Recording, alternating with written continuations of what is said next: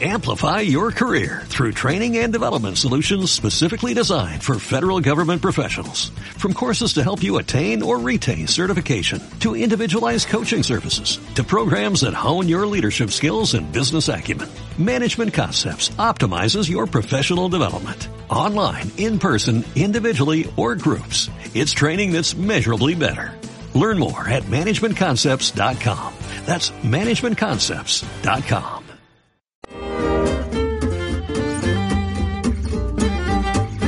El Rebost, la cuina de l'Ebre amb Gustavo Turón.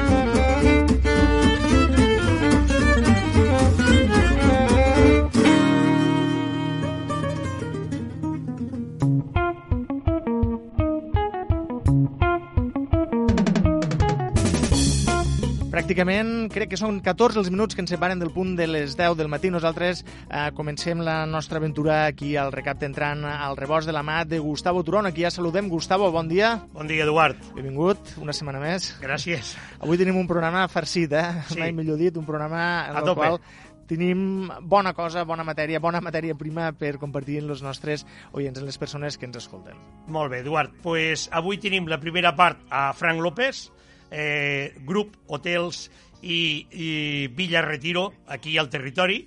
I després, a la segona part, tenim la bicicleta de Cantàbria i Sergi Pinyol, que l'acompanyarà. Fantàstic, doncs presenta'ns el primer convidat. pues, davant meu ja està connectat, jo el veig eh, via online, a Frank López de eh, Villarretiro, Xerta. Frank, bon dia i benvingut al Rebost. Hola, bon dia. Merci per invitar-me. Bon dia, gràcies a tu per accedir a la, a la nostra invitació. Ja feia temps que et volíem portar perquè eh, eres eh, un dels cuiners del territori que ens feia falta eh, conèixer de prop i, conèixer, i, que els, i fer-lo conèixer als nostres oients, també. Sí. Ell és conegut, porten la seva família i ells treballant molts anys aquí al territori, però podem repassar un poc la seva història. Ell és cuiner i propietari, junt amb el seu germà, Joaquim López, la família, de Villarretiro a Xerta, de eh, lo Pla dels Catalans, també, a l'Aldea, de la cooperativa del Pinell, a Pinell Llebrai, Uh -huh. i, eh, bueno, eh, un grup emprenedor, una família emprenedora. Frank, si m'he deixat algo per afegir, és el moment de que ho afegisques. Bueno, no, no, no. El tema del Pinell no ho portem, ho portem com a, com a empresa, però no és nostre, és una cooperativa modernista que és del poble, de, realment dels socis, però eh, de, de, que, que, que sigui nostre realment. I bueno, ja saps que a Barcelona tenim el, el Xerta, Sí, i També, és també. que fem alguna coseta més, eh, alguna apertura nova aquest any. Eh? O En sigui, breu. una apertura en temps, en temps, eh, en temps difícils eh, per la restauració. Això vol dir eh, que sou, sense cap mena de dubte, una empresa atrevida, com a mínim. o temerària, no sé com, Temerària. com definir-ho. Eh, eh, al, al final hi ha ganes de treballar, hi ha ganes de fer. Sí que els moments són difícils i, a més, jo crec que els moments s'han- convertit més, més complicats no per un tema de pandèmia, sinó per un tema de decisions, no? perquè al final ara ho estàvem comentant. No? Eh, això que, que, que ser restaurants i aquí evidentment mos incloem a nosaltres, eh, mm, fem les coses molt ben fetes. Sí, al final, les taules, si han de ser de 4, són de 4, si han de ser de 2, són de 2. I i oblidar la neteja, el gel, la mascareta... bueno, eh, jo poso molt en dubte que, això, que, que, que es contamini eh, gent al nostre restaurant més de lo que es pugui contaminar un supermercat o qualsevol altre lloc, no?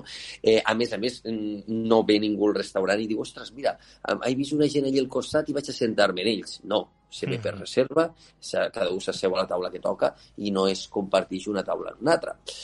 I ja com a cosa curiosa i, i acabant pues, este tema és Mm. que eh, només apareix als migdies eh, eh, és a dir, al migdia no apareix i només apareix a les nits, eh, que és quan ell surt i els restaurants han de tancar perquè llavors és quan és altament perillós. I podem estar els a migdies perquè es pot venir fins a les 5 perquè allí no hi ha cap problema i evidentment podem treballar amb normalitat. Vull dir, dins de tot este disbarat, potser si hi hagués una mica més de coherència, el sector no s'hagués vist tan, tan, tan afectat com està ara, però esperem que en breu torne la i es pugui treballar en un ofici que no és tan endimoniat com s'ha volgut pensar. Això és una reivindicació que han fet cada cuiner i cada cuinera que ha passat pel nostre programa, eh, justament una mica en, re, en relació al que tu dius, un virus que, que no entén de fronteres però no entén d'horaris, no? Vampiro, Això sí que... vampiro, Sí. parlàvem abans. Sí, sí, sí. sí. Eh, en fi, la reivindicació del sector, un sector que està fent les coses molt bé des del primer dia, que s'està adaptant i que, com, com diu ara Frank, també eh, mereix, mereix poder treballar igual que ho fan altres sectors. Només demanen, Eduard, treballar. És que ells Sí, sí, sí, em, sí. ja no demanen ajudes que també les han reivindicat, demanen treballar. Frank, eh, repassem un poc d'història. Tons pares... Jo abans de, abans de dir lo de l'ajuda, a mi no m'agrada la paraula ajuda. No, A mi m'agrada la paraula compensació. vale. Perquè si et fan tancar, t'han de compensar.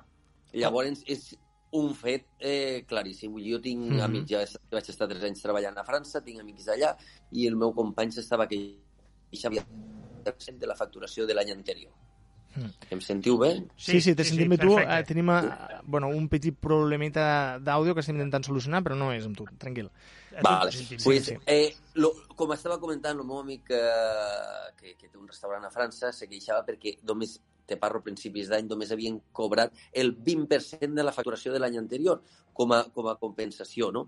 Eh, quan altres països han cobrat el 70 i de més. Clar, Sí. aquí estem parlant que això és un, un autèntic eh, quan aquí no s'hi ha fet res i, a més a més, no deixen obrir, no? Mhm. Aquí parlàvem eh, fa un parell de setmanes amb Jeroni Castell que ens deia que això era una mena de tancament encobert, no? una mena d'obligació que us obligaven a vosaltres a tancar quan en realitat vosaltres ho teniu tot a punt i tot perfecte per treballar eh, i que sense aquestes ajudes el que feien era pues, això, deixar a, a la vostra mà el tancament del negoci. Sí, pot ser. Bueno, nosaltres ens agafam força, mos gran equip, la sort nostra és que tenim un equip excepcional i motivadíssim, i este divendres obrim les portes un altre cop, Uh -huh. Molt bé. aquí a Villarretiro, a, a la població de Xerta, i estem amb ganes, il·lusió de tornar a arrencar.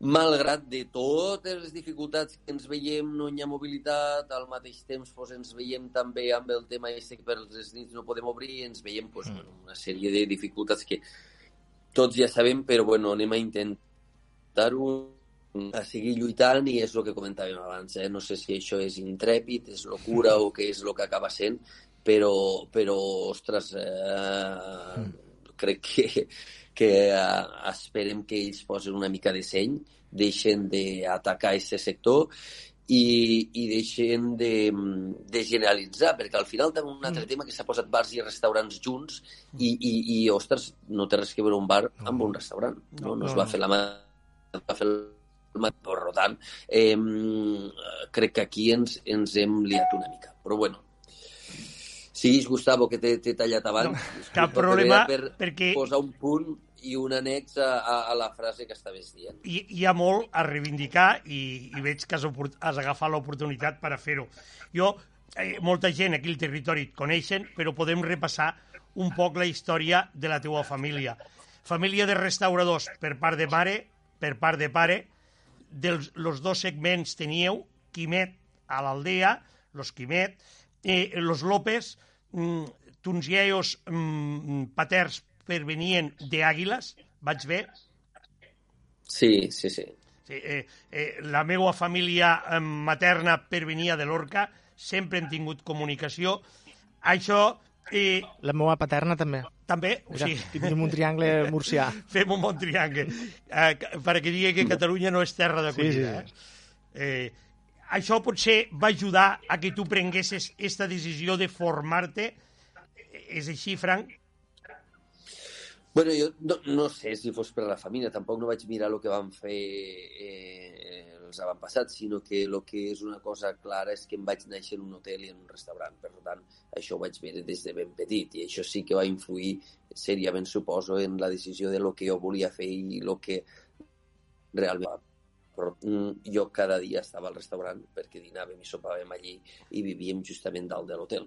Això eh, és un, un, una introducció a este món de la restauració pues, des, de, des del moment que tens ús de raó. No? És immersió total, això, no? Eh, la vida teua voltava alrededor del restaurant. Eh, Ho vivies les 24 hores del dia, per dir-ho d'alguna manera. Te formes a la Hoffman directament o passes per escola d'hostaleria Joaquim Bau, Tortosa o Cambrils o directament a la Hoffman? Sí, jo quan faig 16 anys, que acabo els estudis bàsics i demés, vaig directament a la Hoffman, estic 3 anys allí i d'allí vaig a París, a, al Plaza Atene, bueno, al grup Ducas, vaig estar en un lloc abans i després al, al Plaza Atene, 3 anys més.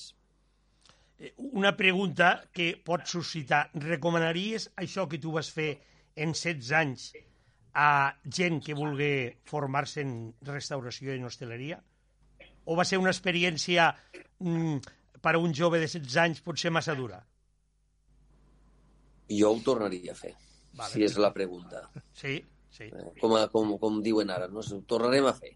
Pues bueno, jo ho tornaria a fer i, per lo tant, eh, no sé, cada un que faci el que vulgui. Fàcil no era, i regalar no em van regalar res. Però eh, l'experiència i la vida i humana uh -huh. és brutal. Llavors, crec que me va marcar en el seu moment i és algo que, que t'acaba fent fort i, i sobretot el punt de França, eh?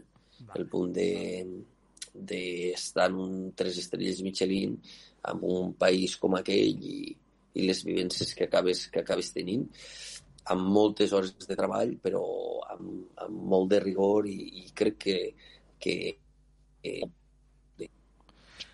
avui en dia que la formació és, eh, vaja, és, és fonamental, m'imagino, Fran, que, que començar abans també et dona este punt, no?, d'agafar-te en, este, en 16 anys, quan tens tota, tota aquella esponja preparada per absorbir tot el que t'arriba, no? Suposo que això va jugar a favor teu, també.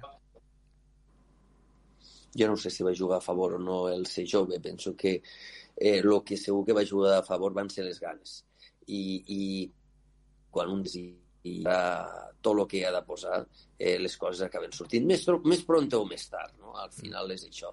I crec que avui en dia pues, falta un punt de, de, d'implicació de cara a les persones. I ho dic, nosaltres tenim una escola de cuina, també aquí a Villartiro, eh, en el qual, pues, ostres, eh, tenim ara mateix alumnes, és el que ens ha mantingut encara oberts tot, tot aquest temps, no? Dic, obrim el Villartiro, però obrim l'hotel i restaurant. L'escola mai ha tancat, ja hem seguit formant managers fora l'àmbit pues, eh, professional com a cuiners, però al mateix temps el que acabem fent també és fer un màster en el qual van al restaurant gastronòmic i allí tenen una altra etapa de formació. No? Tenim gent molt, molt ben preparada, però te'n dones compte que hi ha molts que no volen fer l'esforç pertinent per acabar-se formant. I jo els dic sempre el mateix, dic, jo formar-me ja m'he format, no? Al final sou vosaltres el que us toca i sou vosaltres el, el que heu de fer l'esforç. I potser avui sí que falta un, un punt d'actitud. Eh, però bueno, crec que també ho diuen quan jo estudiava, per tant això sempre sempre s'ha acabat dient, no? que cada vegada les generacions acabem sent una mica més còmodes que l'anterior i, eh, i bueno, és un fet pues, que, que convivim en ell. També dic que surt gent molt bona, eh? surt gent amb moltes ganes i estos són els que més ho aprofiten, són els que més avancen, són els que més aprenen i són els que se'ls prepara un millor futur. Quan has dit eh, no volen acabar de formar-se, què vols dir? Que comencen a, a la teva escola o a la vostra escola, per exemple, i després no tenen eh, les ganes de continuar formant-se, anant a altres escoles o a altres restaurants a veure el que tu vas veure a França? No, no t'he sentit bé, disculpa eh, que... Quan, eh, quan has dit que no tenen l'actitud d'acabar formant-se, eh, te referixes a que no tenen la paciència de seguir invertint en formació o anant a altres restaurants per acabar de posar en pràctica el que han après? Bueno, no, jo crec que, que aquí eh, lo, que, lo que me refereixo jo amb, amb això és que la gent té molt clar que té uns horaris, que, que té uns estudis, que té una feina, però que també té una vida. No?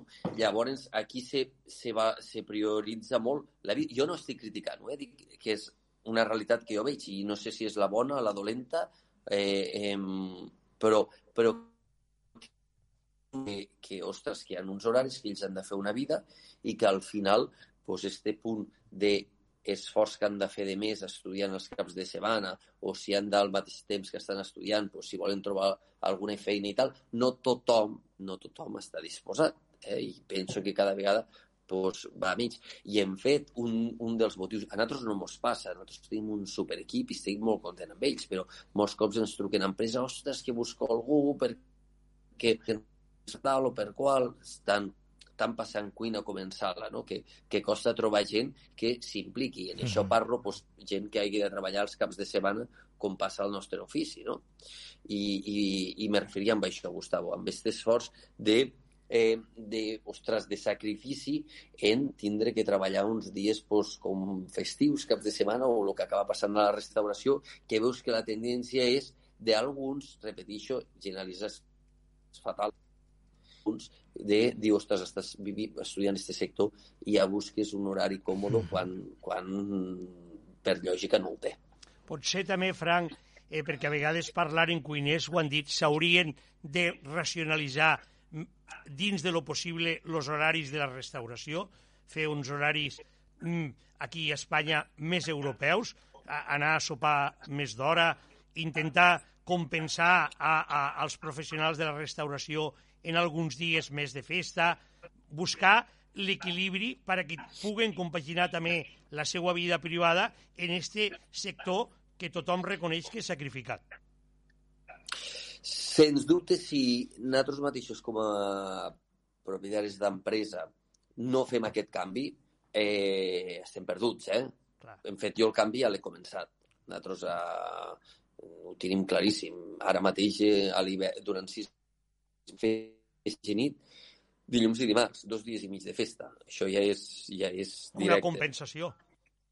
Eh, això ho tenim clar i pensa, Gustavo, que jo porto gent aquí treballant de l'any 2006 Molt i te recordo que vam obrir aquell any. Eh, tant el cap de pastisseria, la cap de cuina, vull dir, gent que ha aguantat des de l'inici amb nosaltres i amb la rotació que hi ha de personal que no fa falta ni dir-ho, no? Clar. Igualment que el jardí encara està d'aquell moment, el director de l'hotel... Ja, ja tinc clar que s'ha de cuidar la que així seguirem fent-ho, no? Però, però també no ens hem d'enganyar, els toca treballar el cap de setmana. Jo he perdut gent bona perquè volen dissabte i diumenge festa i això no puc donar-ho. No? Lla- Llavors, hi ha un salt que no el puc fer, altres sí. I cuidar la gent se la pot cuidar, però tenim un hàndicap amb aquest ofici, que és que dissabte i diumenge hi hem de treballar, a, a, almenys amb aquest territori, perquè Barcelona és un altre món. Barcelona ens canvia tot, allí es treballa tots els dies, i, eh, per exemple, en el restaurant de Barcelona, llavors, ostres, pots conciliar una mica més la vida familiar. Saps que tots els diumenges tens festa amb la família i de més treballant a la restauració, no?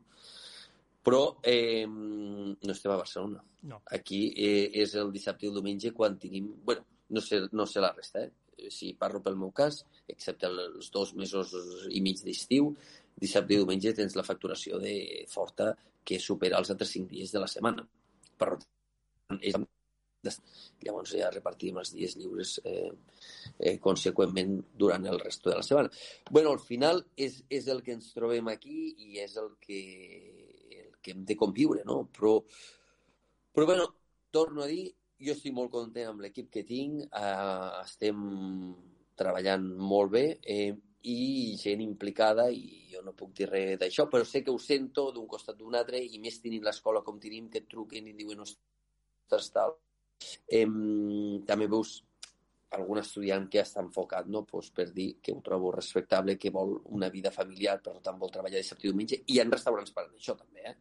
Tots els restaurants de polígono industrial van eh, vinculats amb un horari eh, lògic de polígono, per tant, festius, eh, caps de setmana, etc., pues, eh, tenen tenen lliure. un horari molt ben coordinat. Molt bé. Frank, eh, 2006, l'has nomenat tu, una data històrica per a la vostra família. Obriu Villa Retiro, una casa d'indianos a Xerta, un poble petit del nostre territori, i prestigeu poble, territori i agafeu aquella casa. Parla-nos un poc d'esta apertura del 2006, perquè va ser sonada al territori, va ser una aposta important. Un hotel en un restaurant gastronòmic amb pretensions de treballar pel territori i agarrar reconeixements. Parla del 2006, una pinzellada.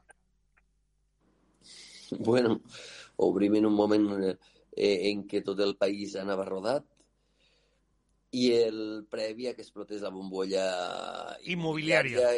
i que tot el país anés en ordres. Aquell moment, aquell moment.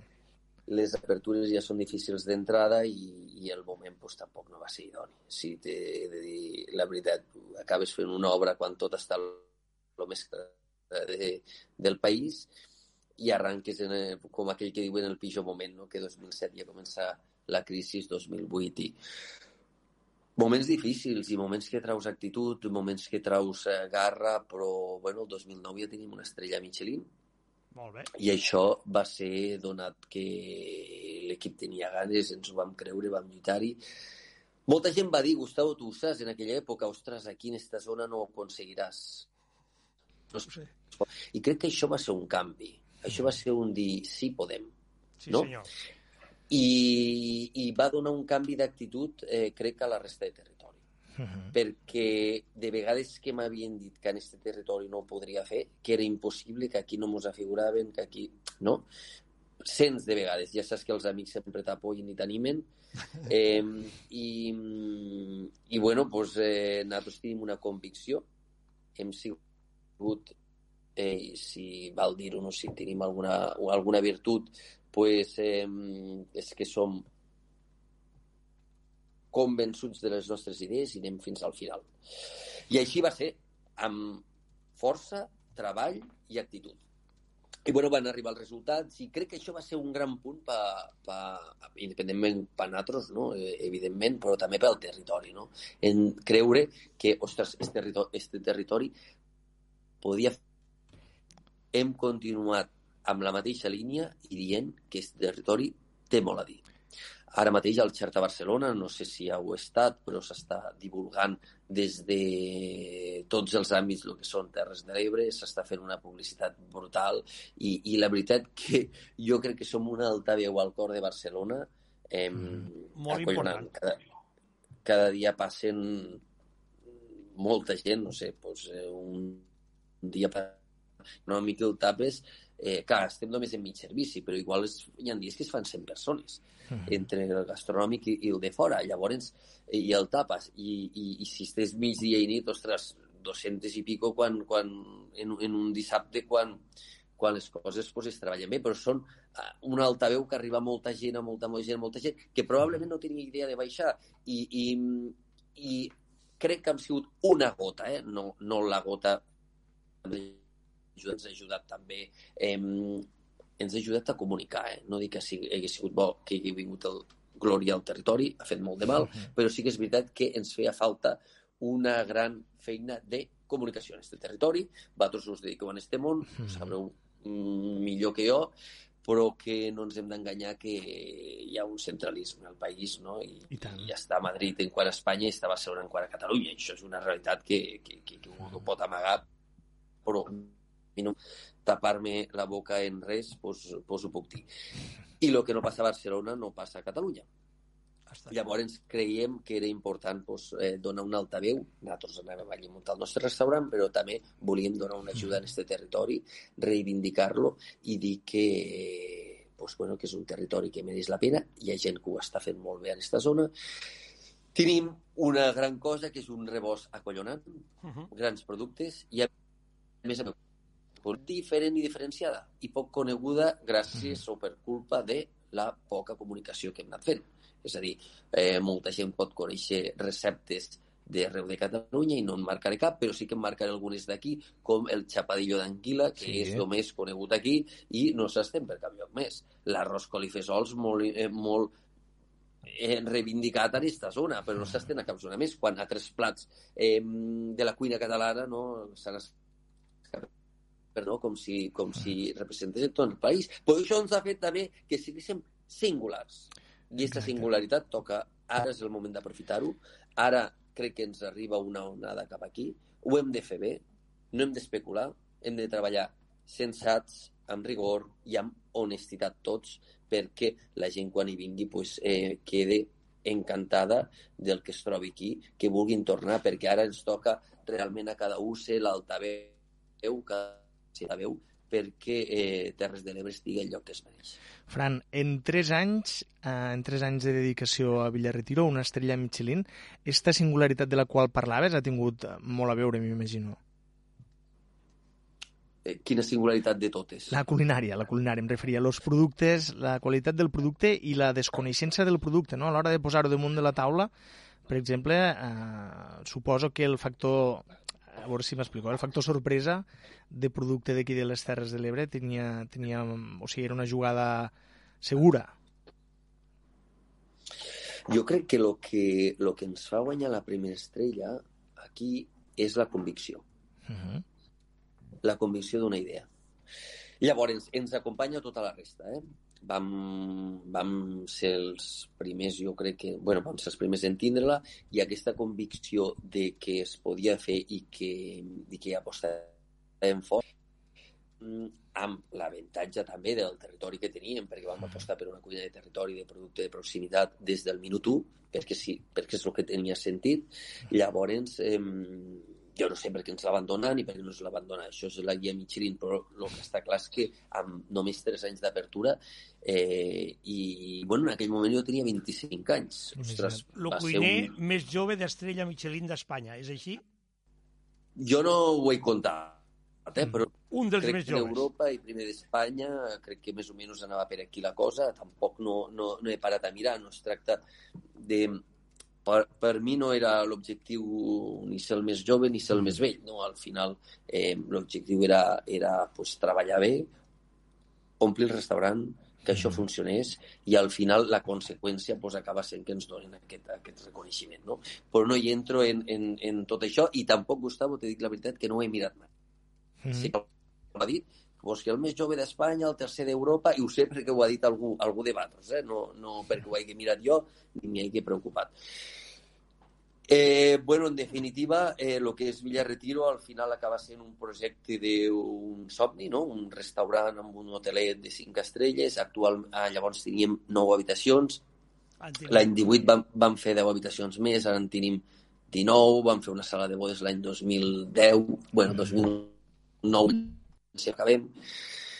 Vam fer una escola de cuina l'any 2016, que ja portem uns anys treballant. Ara una novetat que traurem en breu és la, la part de sala també, que anem a fer una formació en sala, anem a fitxar un, un crack en quant, a, en quant al sommelier, però no puc publicar encara.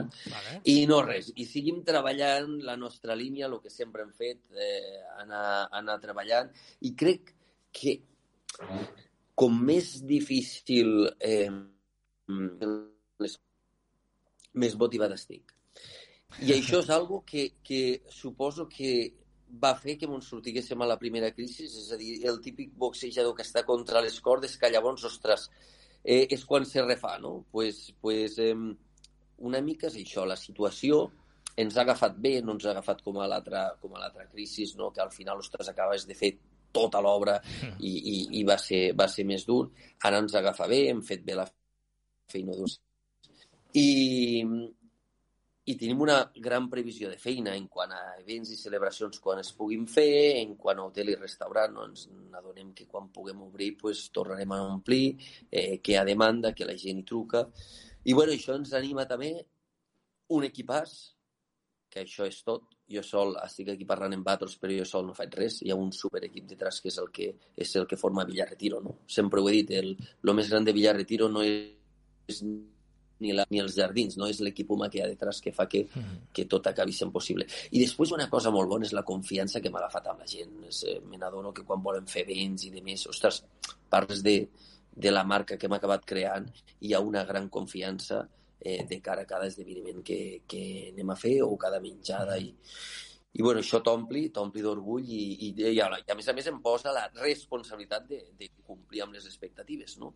I fa que cada dia pues, i, anem tenint noves idees, noves propostes i anem millorant el dia a dia. Hi ha una dita que diu que lo difícil no és arribar, sinó mantindre's.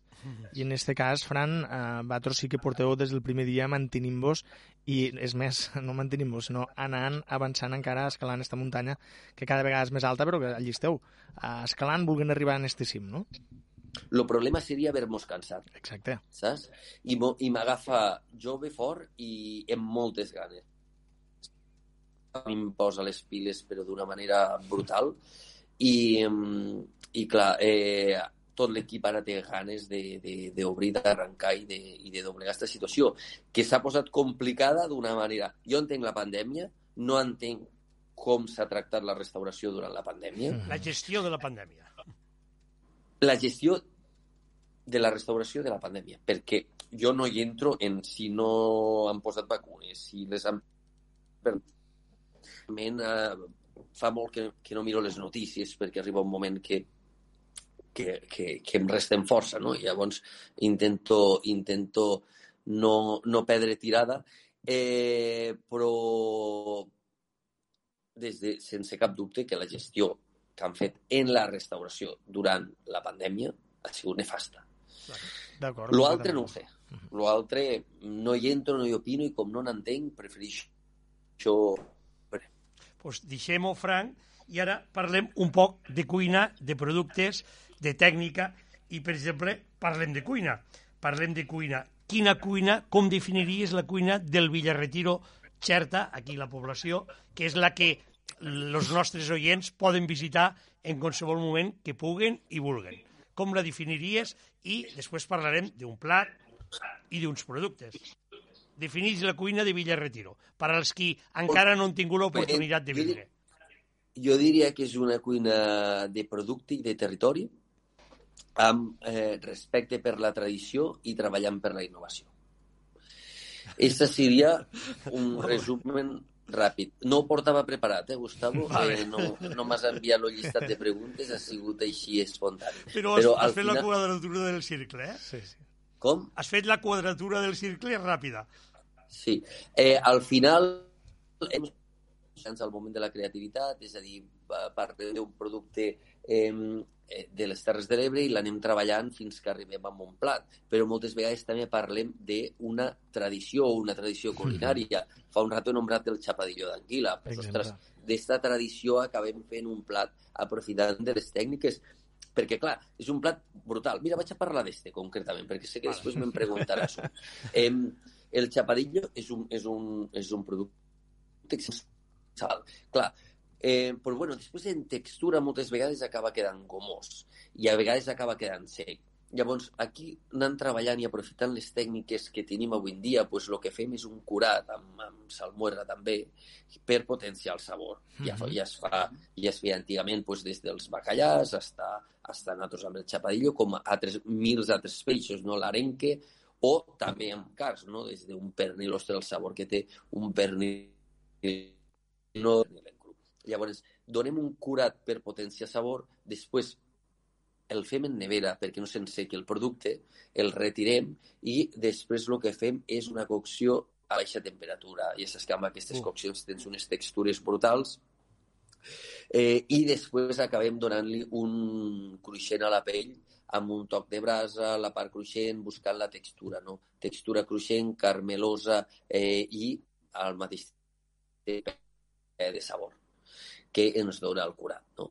Llavors, això seria un resumen de lo que seria un producte de base a un producte que sembla similar a priori, però que li hem donat tres toms buscant eh, la millora de cada punt dels elements sense perdre l'essència. No? Llavors, els acompanyaments aquí sí que ja ens liem una mica més amb raifos i amb coses d'aquí i d'allà. Pues, mm tendències de dreta i d'esquerra, no? Però també amb un toc, sé que aquest plat l'acompanyem amb un amb una aubergínia fumada recordant la brasa aquella que s'acabava fent, no? perquè, perquè era la cuina tradicional. Crec, digues, una, pre una pregunta. La gent del territori que tota la vida han menjat l'anguila, la coneixem, l'han pescat, han estat en contacte, com reacciona ante un plat com este que té tècnica, de baixa temperatura, de salaó, parles de baixa temperatura i salaó, i un producte que coneixen ells a la manera tradicional. Com reacciona?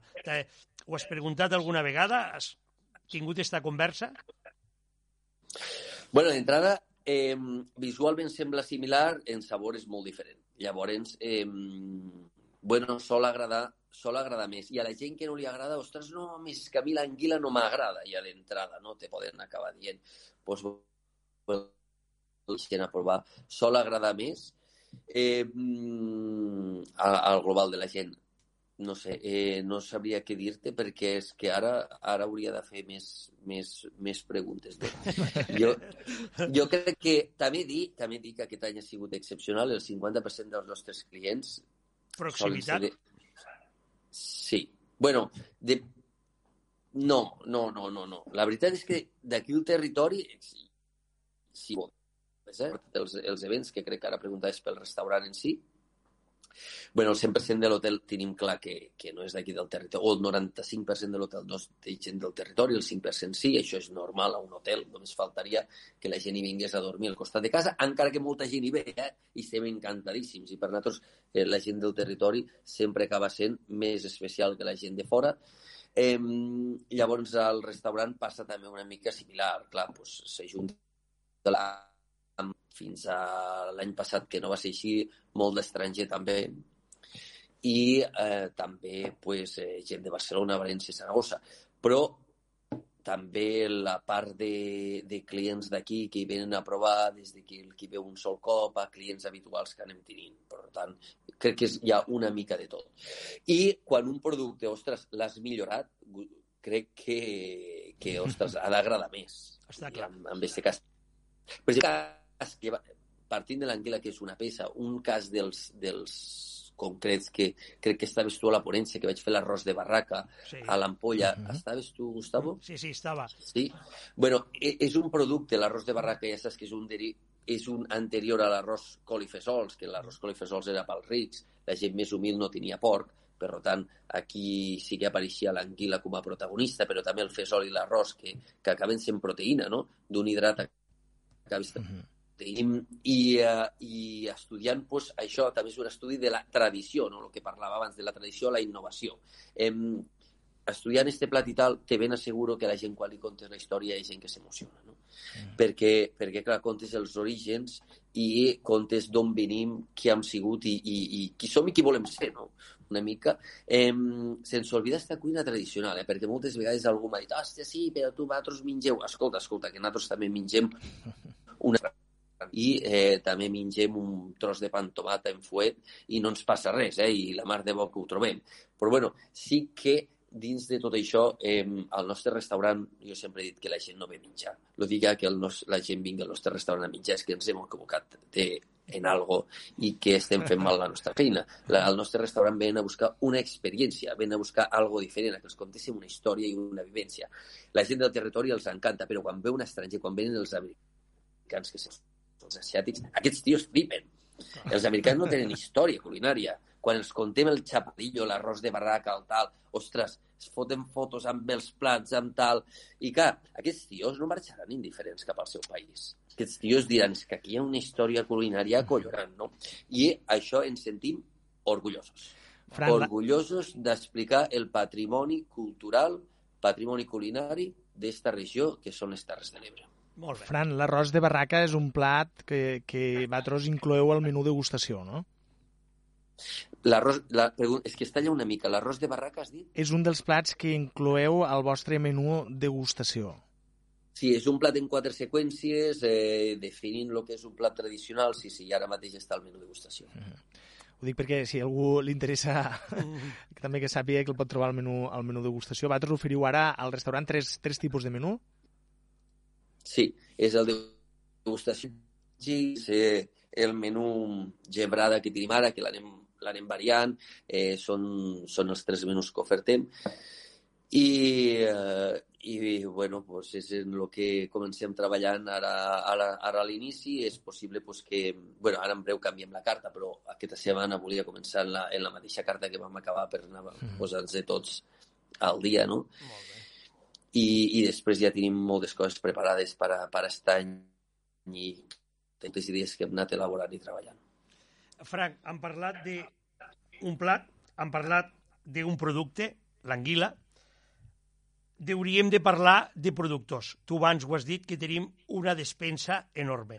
Podries nombrar alguns productors i no volem eh, deixar-me a, a, a, a ningú, si cal, eh, que tinguéssim, que, que, que faiguem marcar aquesta diferència. És molt llarg, però nombra alguns productors que tenim que porten anys treballant i lluitant quan encara aquí no parlàvem d'exportar la nostra cuina. És que n'hi ha molts, n'hi ha molts i me'n deixaré massa. Però, bueno, farem una pinzellada de cada punt i així, i així no mos... No mos, no mos podem deixar ningú. I, i de, és que m'ho deixarem massa. On deixarem. Deixarem. Però, bueno, si, si jo puc dir algo representatiu és eh, peix i maris que tenim, per rotaria de la Sant Carles de la Ràpita, al mateix temps que parlaria de la llotja de Deltebre, i, eh, bueno, eh, i la milla de mar com la tonyina, no? Per tant, tenim aquí eh, grans productes de mar. Eh, no oblidéssim els que fan ostres, els que fan musclos, no? que cada dia fan més bon producte. Eh, tema del musclo. Ostres, eh, tenim una gran qualitat quan volem i, i no estacionaritzar-ho tant i, i intentar que tot l'any tinguéssim una producció eh, de qualitat màxima però amb les ostres hem millorat moltíssim de com eren les ostres fa 20 anys al Delta com són ara. Crec que hi ha productors, no, crec no, hi ha productors que ho fan molt bé, Estic però molt bé. A més I a més, tenim unes ostres a més a més, si hem anat, la gent que hagi anat a Villarretiro i ha que provar les ostres vostres, per exemple, pareix que hagin passat un càsting també aquelles ostres, eh? perquè són totes igualetes, són totes eh, com molt, molt ben seleccionades. És que al final, al final és un producte que té un preu, però, però no passa res, hi ha gent que el vol pagar, aquest preu. No? I, i, I el que hem d'entendre és no tindre el complexe. És el que comentava jo abans quan Villarretiro té la estrella. No? És que aquí el Delta, o sigui, llevemos de complexes. Hi ha molta gent que està disposada a, a, a pagar calés per, per, per un producte. Al final, si, si m'invites a casa, Gustavo, ostres, jo portaré algun detall, no? I clar, si, si, si en el cas no, no val tu perquè ets d'aquí, però si vaig, si vaig fora, no, m'inviten a Barcelona i tal, i jo si aportes alguna cosa, i he de portar unes ostres, que vull portar les millors. I vull que aquella gent digui, ostres, què ha portat, no? Jo no vull portar un ostra buida, un hummus, no? I al final, Mhm. quan venen a casa passa el mateix. Vols donar el millor que hi hagi al mercat. I amb això, doncs, jo crec que s'ha millorat moltíssim i si ara entre tots a un acord de donar qualitat, podríem vendre el producte un 30 o un 40% més car, que això seria molt bo per amb ells de ben segur, no? Però, però eh, no es fan un dia, jo ja ho sé, eh, els que faran l'esforç de donar qualitat seran els que pues, picaran pedra, com ens ha passat aquí als que, als que vam començar, i no sóc jo ja, eh? som cents de persones que han donat qualitat, eh? aquí no, i ni tampoc els Michelins només, eh? això jo no ho he dit mai. Hi ha molta gent que dona qualitat i ser Michelin, això sens dubte, eh? no té res que veure una cosa amb l'altra. Una sardina pot ser de gran qualitat eh? I, i, i, i una paella senzilla, sense, sense moltes històries, Mhm. pot ser d'excel·lentíssima qualitat. Eh? Qualitat no és Michelin, encara que Michelin sí és qualitat. Llavors, eh, amb tot això, continuem amb productes i jo crec que eh, tenim una horta, pues, eh, jo sóc de l'Aldea, a l'Aldea, hi ha una gran horta allí, no? des de, des de pues, carxofes, calçots, que ara estan... Bueno, i molt de producte pues, de, que, que hi ha de proximitat. A Xerta la taronja, els cítrics, eh, cirera de pauls, sense entrar en proveïdors concrets, sinó ja tirant més a poblacions i, uh, i, i llavors, pues, bueno, eh, també El Delta, de el Delta, l'arròs. L'arròs som la zona de Catalunya amb més producció i la segona d'Espanya en arròs. En arròs som Este, molt bons. Este me'l guardava, Ah, este me'l guardava pel final, Gustavo. Esta tarda tinc una ponència de 3 hores de, de formació només parlant de l'arròs. Eh, jo crec que, que això és, és el nostre buc insígnia, no? és el que ens ha diferenciat, però tornem a lo mateix de l'ostre, hem d'acabar de, de, ser, de ser fins al moment de vendre, de comercialitzar i de donar no? Esta tarda justament parlarem en una de, les empreses arrosseres que, que no vull nombrar ara pues, perquè no s'enfadin les altres, però de parlar de varietats, quina varietat va millor per cada tipus d'arròs i quin, eh, quin recipient també, eh? perquè cuidado, eh, és la varietat, és el recipient, és l'arròs... és el foc, el foc. hem de tindre-ho tot en compte no? i anem a parlar de tot això per a veure si podem donar-li este valor afegit eh, en, en, en un producte tan econòmic però que al mateix temps se posa a les taules el diumenge. Sí. I això dona molt que pensar. Eh? Vull dir que eh, donem-li voltes perquè és algo humil, econòmic, però que ho mengem un dia especial. Ostres! A- Algo a- falla, anem- algo falla. anem a treballar-ho. I per què ha de valdre un euro i no pot valdre tres si el millorem? No, per, no perquè l'empresa hi guanyi més, i ja està. Diu, pues, a més d'un ne val tres. No, no, no, no. Anem a pensar donant-li aquesta, aquesta trajectòria. A mi em sembla fantàstic que, que, que sigui econòmic i pugui arribar a tothom, eh? No estic, no estic en contra d'això, ni molt menys. Eh, la, la bona gastronomia arriba a totes les butxaques, no? És simplement dedicar-hi temps per a cuinar-t'ho, no? Eh, però anem a treballar això amb aquesta empresa del territori justament per a eh, donar visibilitat a aquest producte. No ho, hagué, no ho hagués estat tant si no, ho hagués estat bo, no. eh, donant, donant el valor que es mereix. I dic això perquè no pot ser pals tot el respecte i el carinyo que fa 4 quilos d'arròs eh, vengui el producte més car que nosaltres. No. I en, ens falta donar-li aquest valor afegit eh, quan aquí eh, els productors estan al límit, no? en quant a preu, i que, i que ostres, i per què? I perquè si, que, si aquí estos fan 4 quilos i ho poden valorar, valorar millor que nosaltres quan nosaltres fem més quantitat, perdó, s'entendre molt ja significa que hi ha una part de més qualitat, perquè si seleccionem tota la quantitat que tenim, tindrem una partida mil vegades més gran que ells de qualitat. Sí. Llavors... Oh, no, no, te volia dir, o Calasparra, per exemple, Calasparra Baix de Múrcia té una anomenada que nosaltres encara no hem aconseguit en l'arròs del Delta.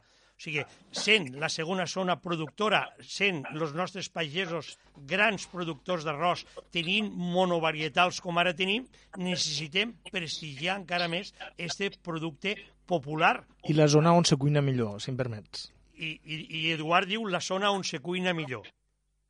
Mm. Sí, però no fa falta només fer-ho millor, eh? No és només això, sinó comunicar-ho, que ho fas millor, no? També ho hem, de, ho hem de treballar això i tornem a les mateixes que parlàvem abans. Vosaltres us dediqueu a això. Està bé que comuniquéssim per aquí. Estarem d'acord com farem la feina ben feta és comunicar-ho fora, no? Perquè, perquè aquí ens ho diguem entre nosaltres tampoc no avancem gaire. Llavors és una mica la feina que estem, que estem intentant fer ara, que estem treballant amb l'empresa i, i reivindicar, no de dir-nos-ho a nosaltres mateixos, sinó que la gent ho conegui, vingui ho prove. Eh, hi ha molts llocs que fan bons arrossos, jo, jo no vull dir qui és millor i qui és pitjor, però, però ostres, que es fan molts bons arrossos aquí, de ben segur. Està clar. Eh, excepcional, també. I a més a més, que l'arròs acaba de ser un producte neutre, podem bullir tots arròs i, i, i amb una mica d'almidó, no? no? que no sigui un gra bomba que no el solta gaire i tal, i ens queda un arròs bullit que quedarà molt bo, però segurament li haurem de posar alguna llet, alguna tomata, algo més, i si volem fer un bon arròs, hòstia, l'hem d'acompanyar d'algo més, però és que realment és un producte amb molta textura, amb molt de joc, amb un bon acompanyament és excepcional. I què millor acompanyament que tot el territori des dels aus que estan per allí, amb, amb tot el sentit que acaba agafant, perquè al final és una història. És que està, és un ecosistema, no? Està l'arròs, però està el pato que se'l menja, que finalment acaba amb l'arròs, no? Que acaba sent esta història tan maca que envolta pues, el món gastronòmic de les Terres de l'Ebre, que heu fet els avantpassats i que ho continuarem fent nosaltres, no? Amb diferents plats de diferents receptes, però tot basant-se en una cuina inicial. Mira, jo estava dient als xicots a, a cuina temàtic vell eh, pues, eh, eh, hem xerrat una mica i ells tenen molta obsessió amb el tema de l'emplatat final, amb el tema de l'esferificació, amb el tema d'aquest punt eh, del nitrogen, no? Lo de punts- Ferran, lo de Ferran. Bueno, jo dic sí, el punt del uau, no? El punt del uau, que, que va, va, iniciar, va iniciar ell una mica Sí. i, i va obrir les portes, però clar, jo, jo us dic, ostres, però per arribar a aquest uau de fotit, eh? I si no fotem un bon caldo, no fotrem un bon arròs, eh? I després ja farem el uau amb la sorpresa final, no? Però al final hem d'aprendre el que és la base que, que potser tornem a l'inici de la conversa quan dia que volen córrer un pèl massa o que, o que volem avançar un pèl més del que, del que toca, encara que suposo que això mos, mos devia passar a tots. Està clar. Eduard, estem a les acaballes del nostre programa en franc. Ja veus que li fem una pregunta i ell va tot sol i va donant un argumentari. Si vols preguntar alguna més, Jo Però- avui ho dono per tancat en la condició que, que Fran vingui un altre dia al Eh. programa i parléssim ja, entréssim en matèria, en plats, en producte i, i que ens expliqui una mica estos secrets de... Bueno, secrets. La part del secret que es pugui explicar de la cuina de, de Villarretiro. Frank, Bueno, pues eh, primer que tot agrair-vos d'haver-me invitat. Segona, disculpeu si m'enrotllo tant, però és que saps què passa? Que parleu del meu ofici, de la meva tant. Ostres, hi ha molt que dir, hi ha molt que expressar i, ostres, al final no... Ja intento tallar, ja veig a Gustavo que de tant en tant eh, està com alçant la mà, però, però bueno, eh, són coses que un porta dins, que és la cuina i és el territori, per tant, eh, eh, disculpeu si m'he enrotllat massa. Cap problema, només faltaria. Això sí, això sí, eh, necessitarem un altre programa, eh, Fran? sí, Bueno, pues ja mirarem de, de fer-ne un altre. molt eh? bé. Molt Pues bé. Frank López, eh, gràcies per estar aquí i vos veiem en, una, en un pròxim programa parlant de cuina, gastronomia, territori i demás. Un saludo i a la família. Que vagi bé, gràcies. Adéu, adéu, adéu. Adéu.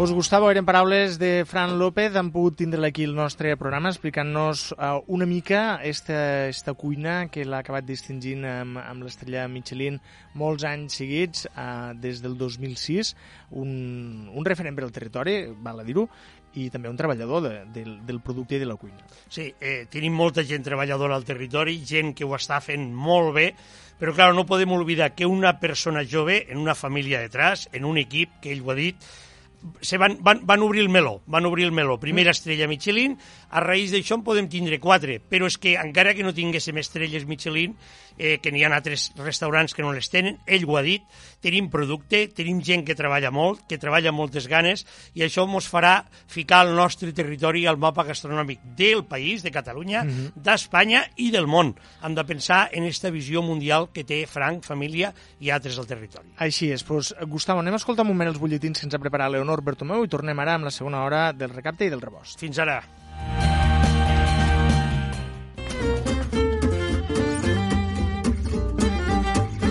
El rebost, la cuina de l'Ebre amb Gustavo Turón.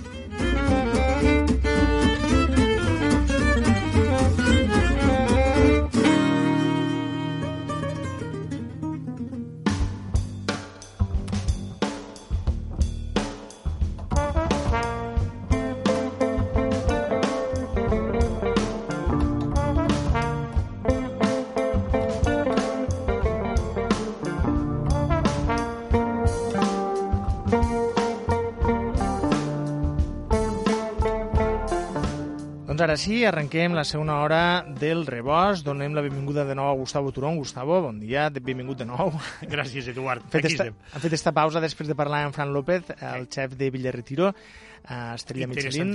Sí, interessantíssim, tant que dona per un altre programa, si pot ser aquí els nostres estudis, que el poguéssim sentir clarament i que poguéssim, que poguéssim comunicar-nos amb una mica més de fluidesa, perquè a vegades la tècnica, la, la tecnologia, ja saps que ens posa, ens posa més barreres que avantatges, alguns dies. Ho farem. En fi, arrenquem esta segona hora. De què parlarem esta segona hora, Pues Gustavo? esta segona hora mos desplacem, mos desplacem virtualment a Cantàbria, a la població de Osnaio, Cantàbria. Allí hi ha un restaurant que es diu La Bicicleta, que té una estrella Michelin i que el nostre company, amic, restaurador del nostre poble, Sergi Pinyol, va poder disfrutar en un viatge gastronòmic en la seva família, Noemí, i la seva filla, Ruth. Sergi Pinyol, que és xef del restaurant Les Dunes.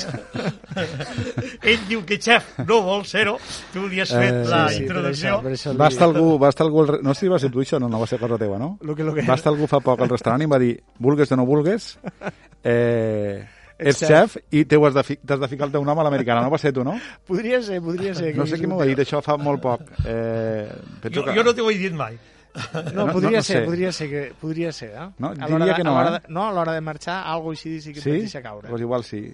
Pues, no ho sé, pues bueno. Eh, tu, tu l'últim programa que vam fer vas dir, diu, jo li dic a ma mare que sóc un, Un vi- vividor. un vividor, I ma sí, mare sí. diu, no ho digues això, Sí. no ho digues això. No digues que fa feo. Eh, bueno, als 47 anys ja, lo de feo i el de bonic ja ho han passat. Ja ho han passat un poc. Eh, I, en fi... Eh, Una experiència brutal a la bicicleta. Sempre m'has comentat això. Sí, bueno, eh, su- suposo que... Suposo, i sempre ho he dit també, que la cuina o sentar-te a una taula són, són, són sensacions, són situacions en concret, companyia, amb qui vas, amb qui deixes d'anar, com te serveixen, com són els plats, estat teu anímic, estat teu d'aquell moment de la vida... Eh, I a mi em va agafar, se va juntar una sèrie de coses que suposo que van fer que aquell dia fos super especial. Eh, això no vol dir que hagués anat a restaurants millors o pitjors. Jo penso que he anat a restaurants... De... O has anat a molts restaurants, a aprendre, a, a descobrir, a... i que estàs emportat sempre el bo. Jo, per almenys, sempre intento traure el bo. Però allí va ser... És que va ser des del moment que vaig, que vaig anar a reservar, o vaig veure una mica le- les ressenyes, o del que, del que aniria a menjar, o, o del, del que m'aniria a trobar a la bicicleta, eh, fins a que vaig marxar. Vull dir, va ser un cúmul de de circumstàncies que, que, bueno, que van fer que, acabant pels postres, li digués a, a Noemi jo vull fer això algun dia. Molt bé. I a partir d'aquí pues, comença una mica... Penso que un, una mica comença el nou camí a, a les dunes, no? O, o, o els petits passos que vas fent una mica decantats a- en, este tipus de cuina. Bé, doncs, eh, Sergi, Gustavo, eh, estem parlant de cuina, estem parlant d'esta experiència de Sergi al restaurant La Bicicleta y tenemos en la línea telefónica al responsable de esta experiencia casi religiosa ¿no? que vivió Sergi en este restaurante. Demos la bienvenida a Eduardo Quintana, el chef del restaurante La Bicicleta. Eduardo, Edu, no, te- no sé si te puedo llamar Edu. Sí, sin problema. Hola, buenas. Edu, ¿Qué tal todo? Edu, Muchas buenos gracias. días, soy Gustavo Turón y a mi lado, a la derecha, tengo a Sergi Piñol, que estábamos hablando de este viaje gastronómico a tu casa, casa de Eduardo Quintana y Cristina Cruz. Bienvenido es. al Rebost. Lo haremos en castellano porque tú el catalán de momento no lo dominas, ¿eh? No lo no lo domino.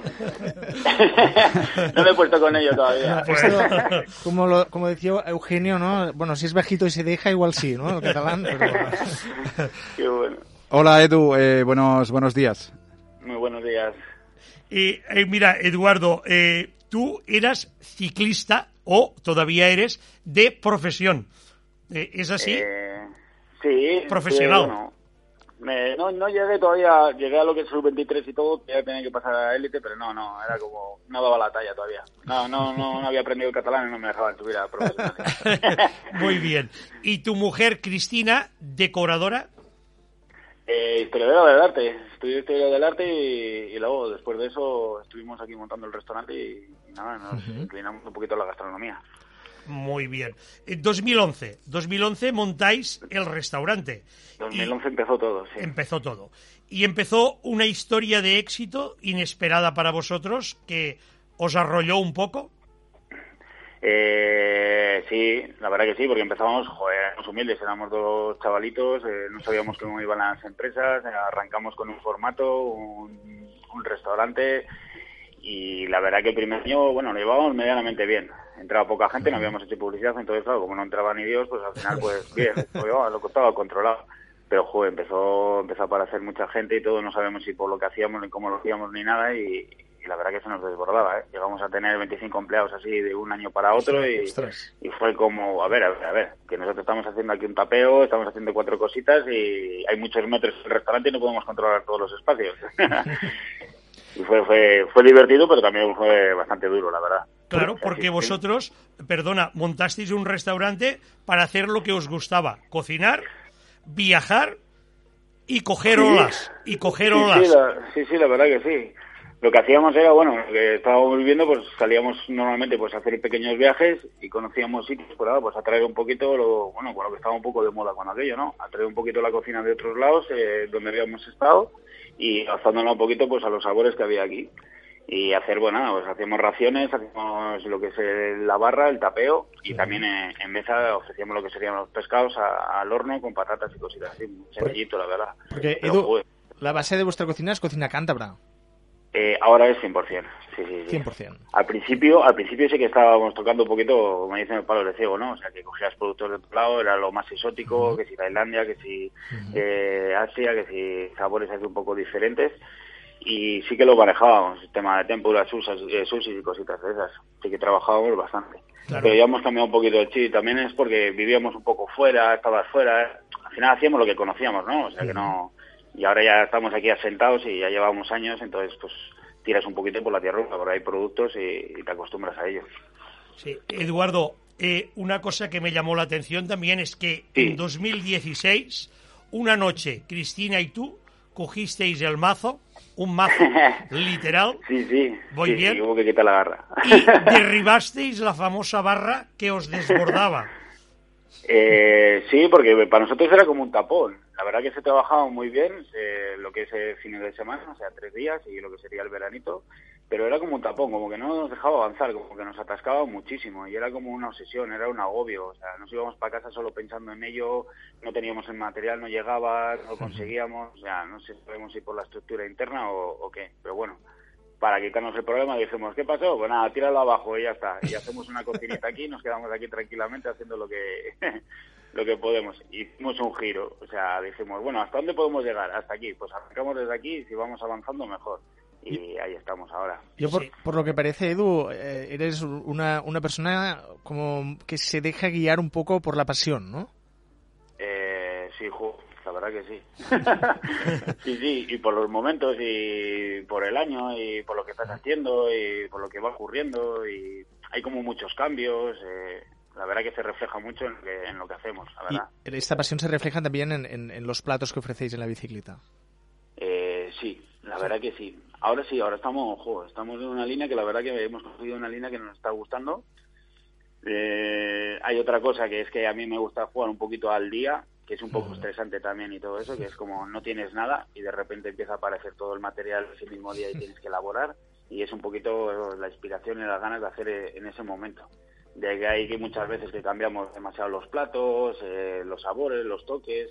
Pero bueno, también la cocina es divertido, para el cliente es divertido y si está bueno, pues eh, salen ganando todos, ¿no? La verdad.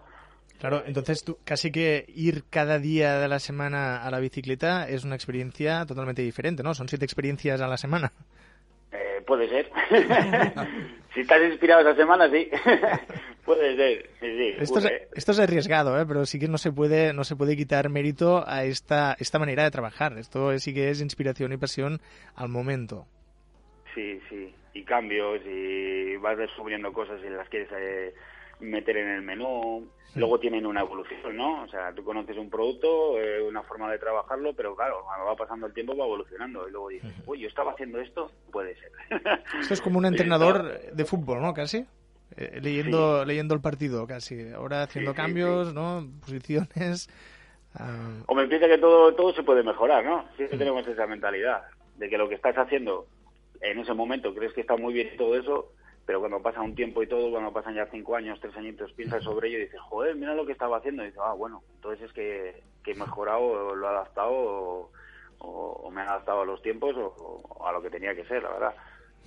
Eduardo, eh, perdona, cuando hablábamos de mm, coger el mazo, esto me ha recordado una conversación con mi compañero Sergi Piñol, eh, que él también no cogió el mazo literal, pero él tenía un restaurante que a él y a su familia los desbordaba. Y entonces llegó un momento...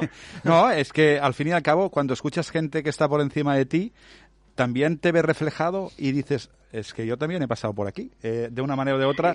Yo, yo empiezo yo empiezo la hostelería veniendo de la radio, me meten de encargado en restaurantes sin tener ni idea de hacer un café.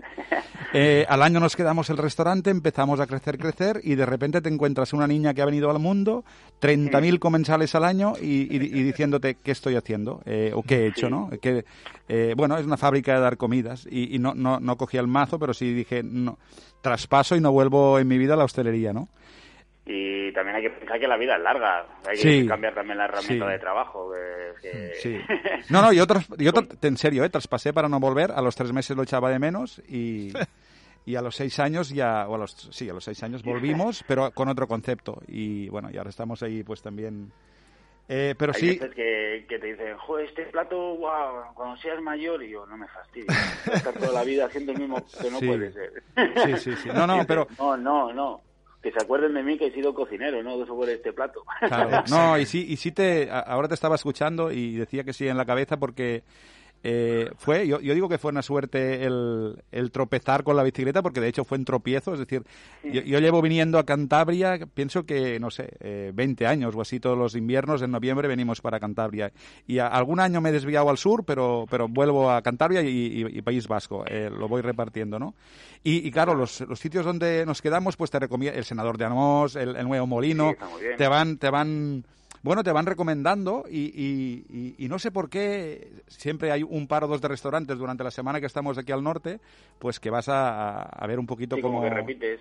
Claro, y, Porque y no- igual la primera vez que has venido, te ha coincidido, Sí. te ha gustado, no sé, Sí, como que hay una conexión. pero es que vuestro caso, eh, leyendo la- las reseñas, digo, hostia, Noemi, tenemos un restaurante aquí al lado y no hace falta irnos para Santander, estábamos aquí al, al, al lado de, de- de vuestro restaurante, digo, hostia, a- a- hacer unos platos delante de- de- del cliente estará muy chulo. Sí. Nuestra niña, creo que te lo expliqué, nuestra niña tiene, ahora tiene 13 años, está con nosotros en cocina, es una máquina, pero es, es una niña que lo tiene todo bueno, pero no, no es, no es, no es de extremo, es decir, le quería un iPhone para Reyes, le dimos el iPhone y como si le dieras una patata, es decir, no... Y, y por primera vez en vuestro restaurante la vi con la boca abierta. Y, claro, y le digo, le digo, Ruth, eh, eh, trabajan como nosotros, ¿no? Claro, eh, es decir, comparando que, que- que trabajas en una cocina más pequeñita, con gente con menos experiencia, y digo, Claro. y me dice, pero la tía como si viera una, una qué sé yo, una, una obra de teatro, o si, viera un espectáculo, ¿no? Eh, tú, tú, tú sé que estabas delante de nosotros haciéndonos el, el airbag, creo que era de... de Ah, me de- tocaría en la barra. Sí, sí, Eso sí. lo hemos tenido que quitar eh, este año por el tema del COVID, no estamos acercando a Nene en la barra. Ya, ya, pues... eh, Y era muy divertido por las dos partes. Claro, era el- chulísimo, sí, el- sí. El cliente, que veía cómo lo hacíamos y todo se lo explicabas y eso, y parte nosotros teníamos como una conexión ya directa con el, Claro, con, con el claro. comensal. Y- y Joder, le digo- poníamos cara. Claro, claro. Claro, y le digo a, a la niña, le digo, digo, más o menos como nosotros, ¿no? Y me dice, papá, es, es que aquí cada uno sabe lo que tiene que hacer. Digo, pues cuando yo te diga, te digo, el día de mañana de estudiar cocina, es precisamente para esto, porque tendrás un equipo donde cada uno sabrá lo que tiene que hacer, ¿no? claro. Y, y sí que vi un poco en tu cara, se lo comenté a, a Noemi, digo, hostia, se le ve, porque yo me, me identifico un poco también, yo a veces me paso de frenada, ¿no? Que se veía un tío con, con mucha pasión, con mucha, con mucha, allí dándole caña, ¿no? Bueno, y la experiencia, creo que te lo comenté este día, eh, cuando llegó el arroz, eh, creo que era un risotto de carne o algo así. Sí, sería el eh, de careta, lo más seguro. el Sí, de sí, careta sí. o el de Le dije, Noemi, claro, estamos hablando del Delta del Ebro, país de arroces, le, dijo, le dije, aquí sí que no, aquí sí que no nos ganan. Es decir, aquí sí que...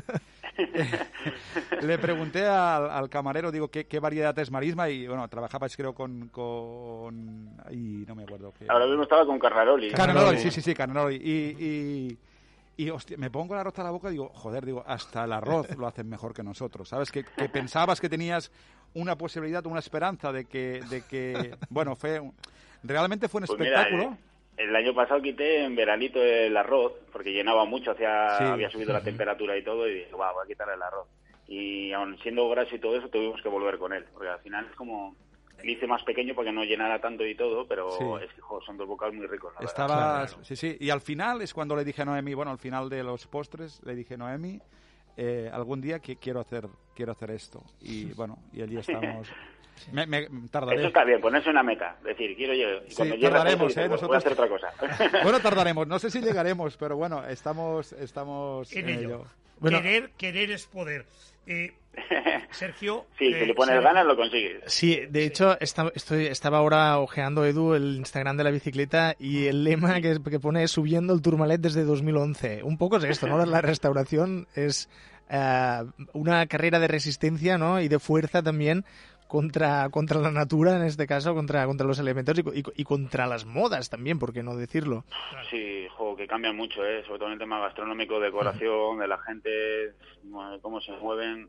Sí, sí, no es como hace 20 años que era un poquito más estable, ¿no? Ahora ya es, Exacto. el Pero, mercado está en se mueve muy rápido. Pero hablas de la Tourmalet que no deja de ser, a pesar de toda la pasión que se nota que le echas en tu trabajo, no deja de ser un esfuerzo, ¿no? Y, y- y- Sí, y sí. quizá un desgaste también. Esto lo llevas un poco más escondido, el tema del desgaste, ¿no? El desgaste es, Eh, bueno, el que ha trabajado en una cocina y a mí me toca ser cocinero, llevar la gestión un poco del restaurante, pues bueno, eh, es duro, te quema. Claro. Hay momentos de estar muy tranquilo, como nos está pasando ahora, que pues, como no estás abierto, pues pasa el tiempo, pasa el tiempo, pero cuando tienes que trabajar son 24 horas y si tienes 36 son mejor. Claro, O sea que no... claro. Que hay veces que me dice la pareja, joder, ¿por qué trabajas tanto tiempo? Y digo, uy, pues para correr menos. Porque, Eh, uy, Sí, sí. si no lo llevo. Y luego terminas corriendo mucho. O sea, porque además el La- tema la- de la cocina... pues, Es un difícil poco porque- como la vida, ¿eh, Edu? Es un poco como la vida. No, pero, pero es una vida más acelerada. Eh, Sí, porque llega el comensal y tú intentas hacerlo lo más tarde posible para que llegue en el mejor estado pues Claro. posible lo que es el plato a, a su boca. Y es como a la una estamos muy tranquilos y a la una y media está la gente desbocada por todos los lados corriendo para Sí, sí, sí. que llegan, que llegan. Eh, Edu, eh, mira, tú eh, haces cocina en Laredo. Eh, Hice cocina en Laredo, sí. En Laredo. Haces el stager en Hilario Arbelariz, un crack Y de la me fui, cocina. me, me fui allí. Luego estuve ahí, no, estuve pues, una temporada. Luego me planteé si seguir o no seguir de cocinero. Porque dije, Claro. uy, esto es muy duro, ¿eh? Esto, esto es un punto en to- que pasa en la vida de cualquier cocinero, creo. ¿no? Sí, sí, sí. Sí, sí, te paras y dices, bueno, me, me desvío, ¿qué hago? ¿Qué es lo que pasa? Y al final decidí nada, me quedé en cocina y todo y me metí en un hotel, un algo más relajante y todo, o sea, más llevadero, el rollo de raciones, tapé y todo eso, eran semi- 20 comensales, una cosita así, lo llevaba muy bien, pero al final como que te medio aburres, ¿no? O sea, como que tampoco es tu proyecto, no es tu línea y al final nada, pues decidimos montarnos lo nuestro y, y como decimos hay que ir subiendo el tormalet y, y lo bueno es que estábamos todavía subiendo. No, Bien, es que bien. yo pienso que al, al fin y al cabo eh, es un poco, uno elige, elige el, el- el camino, ¿no? Y uno quiere pues el conformarse y el dedicarse a hacer sus mesas y terminar a las 5 y para casa, o al Claro. final uno pues busca más la esencia. Y yo, yo tuve, lo, lo he puesto de ejemplo estos días en, en- en los clientes del restaurante, la primera conversación seria que yo tengo con, con mi niña el, el martes pasado, eh, es la primera vez que me, me habló un poco desafiándome, ¿no? Y, y sí, sí, y, en 13 años me vi reflejado yo cuando tenía 18 y con- cuando le hablaba así a mi padre, ¿no? Eh, Claro, sacando pecho, eh, diciéndome tú que, total, que... contradiciendo. Sí, sí, sí, pero, pero me encantaba ah, escucharla porque, porque al fin y al cabo me, yo me decía, sus- joder, tiene- carácter, tiene su vida. tiene carácter, claro. Total, resulta que eh, encontré, yendo a correr por aquí a la playa, hay una parte muy salvaje que encontré un, un- un tronco de un árbol Mm. Digo, hostia, esto para el restaurante sería chulísimo, no sé cómo lo... Total, que este árbol y hasta el restaurante son 12 metros de árbol que ha arrastrado el temporal Gloria, para que te hagas una idea. 12 metros de tronco, imagínate qué, una best- qué bestia, ¿no? Qué bueno. Eh, y digo, lo vamos a preparar con una forja y tal, lo meteremos a todo el hall del restaurante y cuando se pueda, el primer aperitivo, la gente lo tomará nada más abrir la puerta del restaurante, se encontrará el, el gran tronco y, y, bueno, total que se lo explicaba a mi madre y la niña me dice, dice, papá, dice, ¿tú esto que dices lo dices de verdad? ¿Tú, tú- tú estás bien de la cabeza el poner una camarera allí, a- a- de recepción, a- al que llegue el cliente, todo esto, dice, ¿tú te crees que tienes una estrella Michelin o algo por el estilo? Digo, no, no, ni, ni la tengo y posiblemente nunca la tendremos. Digo, pero hago lo que quiero en cada momento y disfruto de lo que hago. Dice, mira, Claro, y, es y eso es bonito, la Hombre, verdad. claro que sí, Por y me ejemplo, dice- lo, que nos pasa a Chris y a mí en este restaurante, pues por ejemplo, eh, las puertas las hemos pintado nosotros, el rejunteo los hemos hecho nosotros, el cepillado del suelo lo hemos puesto nosotros, eh, o sea, lo que son las mesas, eh, hemos soldado nosotros las, las patas. Eh, platos, incluso hay cerámica que hemos hecho nosotros con nuestras manos. O sea, la verdad que hemos hecho todo lo que es el- lo del restaurante. Y al final le tienes como un cariño diferente, es como que estás conectado, es como sabes lo que hay en todos los lados, en cualquier esquina, en cualquier momento, Claro, y claro. es como, total que la tía, la Y son recuerdos, ¿eh? Hombre. recuerdos. Te acordarás de ese paseo que has dado corriendo y has visto el tronco aquella vez. Claro, no, no, y Y la esto... conversación con la hija. No, no, y me dice que sepas una cosa, que si yo estudio hostelería, yo montaré en restaurante en Tarragona o en Barcelona que hay gente, no en un pueblecito como este, ¿no? Oh. Y, claro, claro. Y, y, bueno, no, no, no digo las palabras concretas porque estamos en, En directo, En horario infantil. Sí. Eh, Y a- acaba de hablar y le digo, digo, ¿has terminado? Dice, sí. Y la tía orgullosa, ¿eh? Y le digo, digo pues mira, que sepas que, que respeto tu opinión eh, y me gusta que tengas tu opinión, digo, pero estás, estás, estás teniendo una afirmación o estás diciendo algo de una persona normal. Si tú la vida quieres ser normal, dedícate a esto. Digo, pero si quieres ser la mejor o quieres ser única o diferente, harás que en este pueblecito, como tú dices, de mm, caca, ¿vale? eh, mo- montes un restaurante y venga gente. Si consigues esto, habrás triunfado. Si no, eh, vete a las Ramblas a hacer arroces o vete a Tarragona a hacer arroces. Digo, pero no creo que... Qué bueno. O que eh, tengan los dos. Ese cuando está en uno está pensando en el otro. Claro. Luego va donde el otro y luego está No, y esta pensando en mañana el otro. precisamente, Un descanso. Esta, esta mañana cuando íbamos al cole, le digo, eh, Ruth, ¿en algo de lo que hace papá eh, te parece bien o me das la razón? Dice, hombre, claro, en, en lo, de la- en lo del tronco sí, pero en lo de recibir al cliente no. Digo, pues bueno, ya tenemos medio... pero bueno, que al fin y al cabo Hombre, sí... Es pasión. También va por la edad. También, Hombre, claro, sí. no tendría ni que estar en cocina la tía. Si la- en, con 13 años no tendría ni que venir a... Claro. a- Con 20 años estar en una ciudad es diferente, ves al pueblo diferente. Sí, con claro. 40 ya quieres tener tu huerta y hacer tu producto para ponerlo en los platos. Con Ya 60 está. quieres, no sé, igual volver a la ciudad para revivir otra vez la infancia o, o algo, no lo sé. Eh, Edu, seguimos hablando del restaurante. Eh, importante la ubicación. Vosotros estáis en una casona del siglo XVIII. Mm. Una dentro se ha podido conservar porque esta casona estaba en ruinas, una librería, un patio de Sí. arcada de piedra convertido en un anexo del comedor y una escalera de sillería. Todo esto Sí. pone empaque al restaurante, a convertir la experiencia gastronómica de comer con el entorno, a fusionarlo. ¿Es así? Claro, claro. Sí, sí, sí, sí. O sea, hemos intentado recuperar todos los materiales que había en casa, la verdad. Claro. Todo, todo lo que hemos podido conseguir y todo lo mantenemos dentro del restaurante y, y cambiar la estructura lo menos posible, la verdad. Y luego, claro, hay que darles un poco de comodidad pues a la gente, no las casas antiguas de Cantabria, pues bueno, el frío y todo eso, pues había que adaptar algo. Claro. Claro. Cocina, cocina. Tú defines tu cocina como cocina a la minut. Una palabra como tantas de origen francés que ellos han dominado eh, eh, en la terminología de la cocina y los nombres. Define a la minut. Yo pensaba lo que era, pero me fui al diccionario para ver la aplicación de esta palabra. Defínela tú. Eh, en mi caso lo que sufrimos es que tenemos la base, ¿no? Que son las salsas, los jugos y todo eso es algo que elaboramos durante mucho tiempo y están ahí siempre en cazuelas cocinándose y todo. Todo lo demás está normalmente en fresco. Hay algún producto que igual hemos marinado o algo así, pero bueno, está en fresco. Hasta que no nos piden el plato, eh, no se sella o no se marca o no se calienta o no, o no se golpea o, o no se le transforma lo que es, lo que es el producto y luego tiene sus acompañantes, ¿no? Que normalmente son seis elaboraciones, una cosita así, pero siempre, siempre, siempre, siempre eh, al momento. O sea, que te piden el platito, una cazuelita pequeña, una cucharadita, calientas la salsa, por otro lado otra salsa, eh, elaboras lo otro y, y preparas el plato.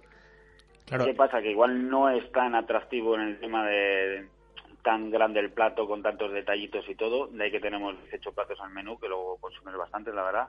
Pero claro, estás comiendo el producto, eh, intentar que llegue, por ejemplo, una viera o algo así que te venga del mar, que tarde en lo menos posible de llegarte al mar a la boca de- del comensal. Eso es lo que buscamos, la verdad.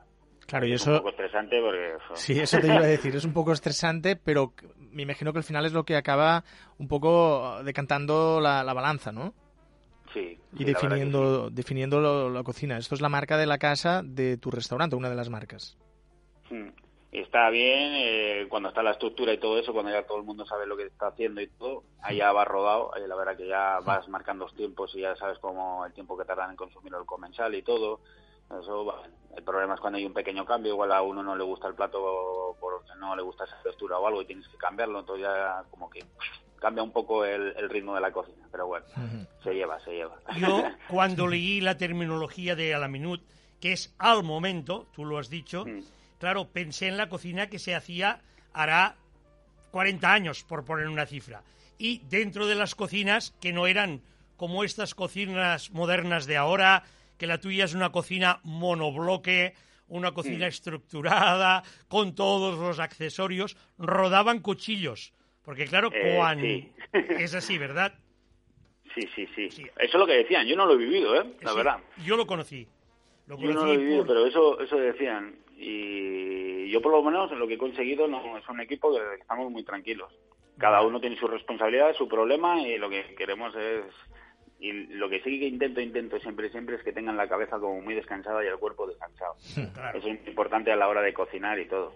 Claro. Es difícil en temporadas como lo que es agosto y todo eso, es un mesecito que, que lo pasamos mal, pero bueno, los demás meses y todo eh, lo llevamos muy bien. Muy bien. Hablas de un producto que también me llamó la atención, Sergi y Eduardo. Mm. Eh, el vinagre. El vinagre como potenciador del sabor. Mm. Pero no inventas Sí. nada, porque esto ya lo hacían nuestras abuelas. Sí, sí, se hacía. La verdad que se hacía. ¿Quién nos ha comido unas alubias con vinagre por encima? Vale. Dices, ¿eh? Alubias con vinagre no puede ser.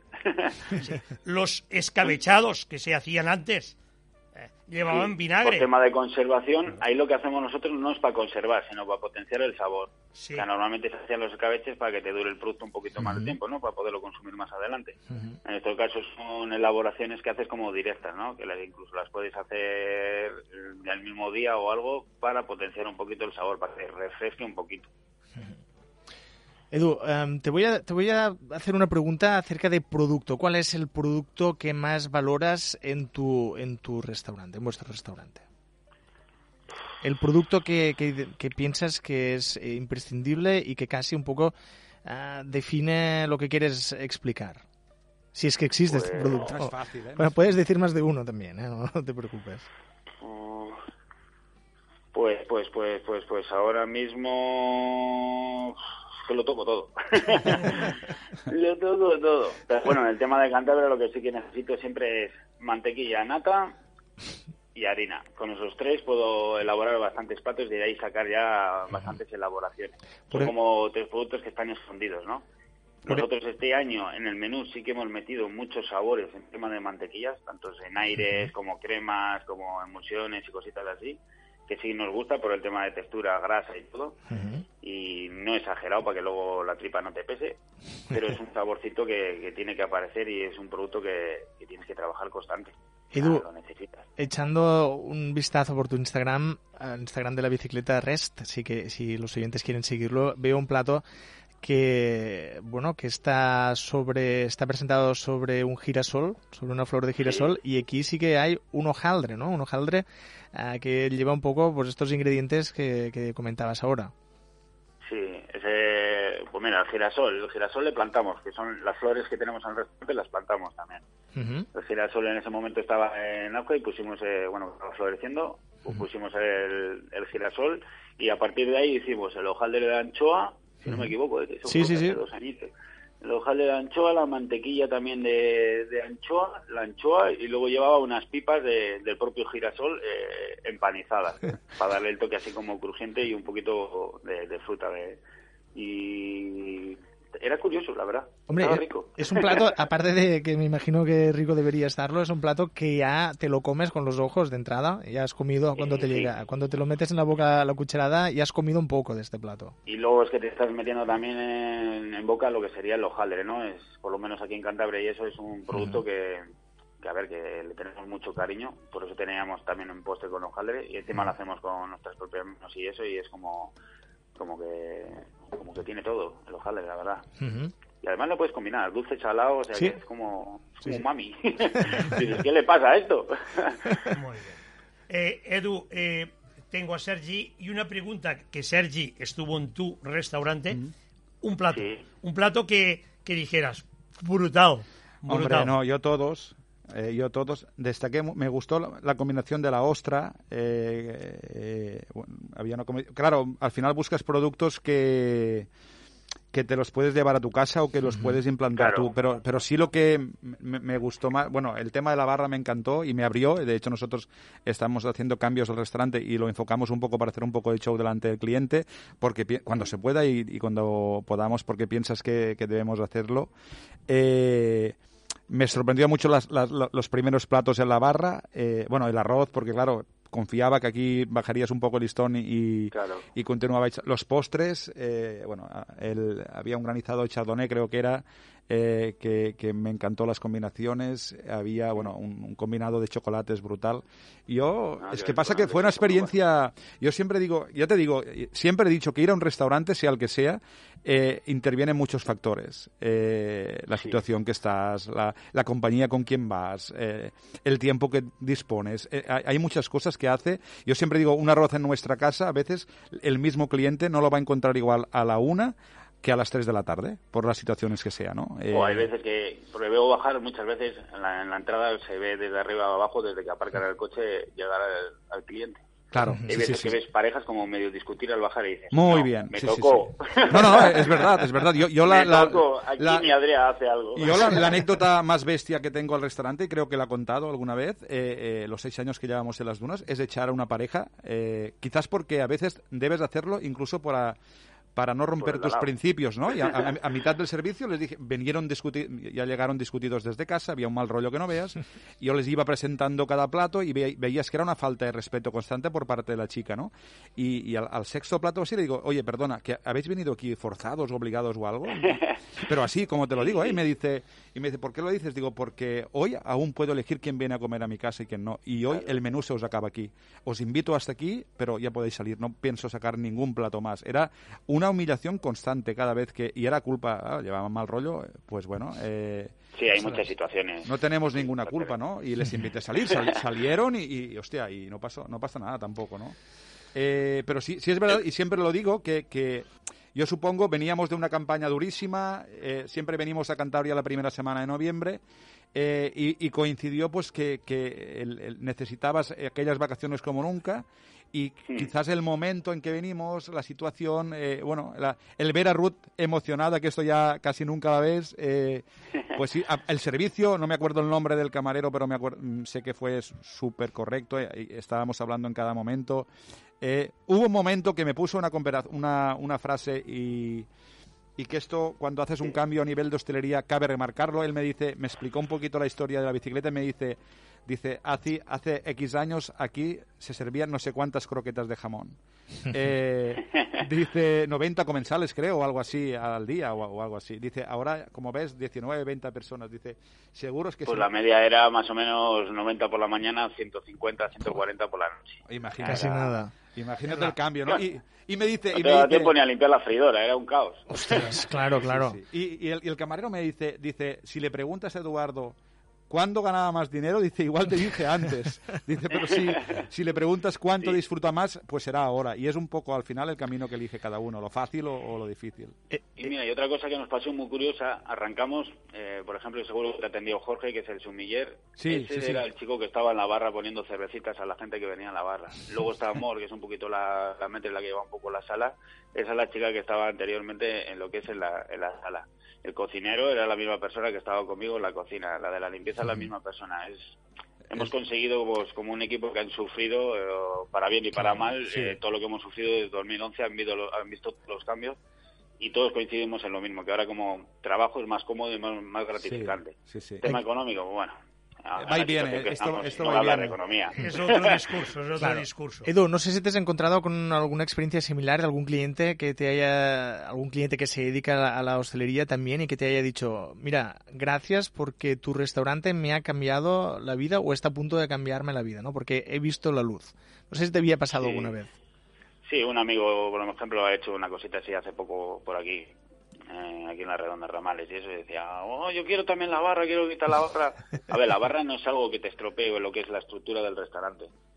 El problema es que la, bar- la barra te marcaba un poquito más de tiempo si Claro. tienes que tener más equipo. En donde Sí. estamos nosotros situados tampoco podemos tener un movimiento eh, para poder soportar ese ese trabajo, ¿no? O sea, que no podríamos tener más gente, más empleados, porque no económicamente no lo ibas a soportar. Claro. Lo hacíamos las mismas personas que atendíamos lo que es el, el comedor. Entonces, Claro. Todo a, no se puede A hacer, mí, a mí por ejemplo, cuando he, he- he sugerido, lo- bueno, cuando hemos dicho a Noemi, a mi mujer, que es que, quien está en cocina, que, que vamos a hacer lo de la barra, me dice, yo me planto. Eh, es decir, yo ya no hago nada más. Y, y digo, pues vale, lo haremos los camareros. Entonces, los que estamos en sala eh, seremos quien elaboraremos los, los platillos de, de barra, porque ya en Sí. cocina ya nos han dicho... ah, Pero claro, es lo que tú dices. Aquí esto lleva, mm, lleva traer otro camarero, claro. eh, eh, habrá alguien que alguien tiene que estar sirviendo el resto de mesas, ¿no? Pero bueno, Claro. eh, todo se hará. Eh, Edu, una cosa que me llama la atención eh, en respecto a tu restaurante y a tus citas. Por ejemplo, Sí. recomiendas un postre y hablas de un postre de espacio en castellano azúcar, Spice Sucre, Jordi Butrón. ¿Por qué? eh, sí. Sí, porque lo conozco personalmente a Jordi Butrón y a Chano Seguer. Y he estado dos veces en este restaurante de postres. A ver, lo que tiene pues Jordi y todo su equipo, la verdad que no, lo que han hecho hace años ya, hasta donde están, joder, pues es bastante de agradecérselo, la verdad.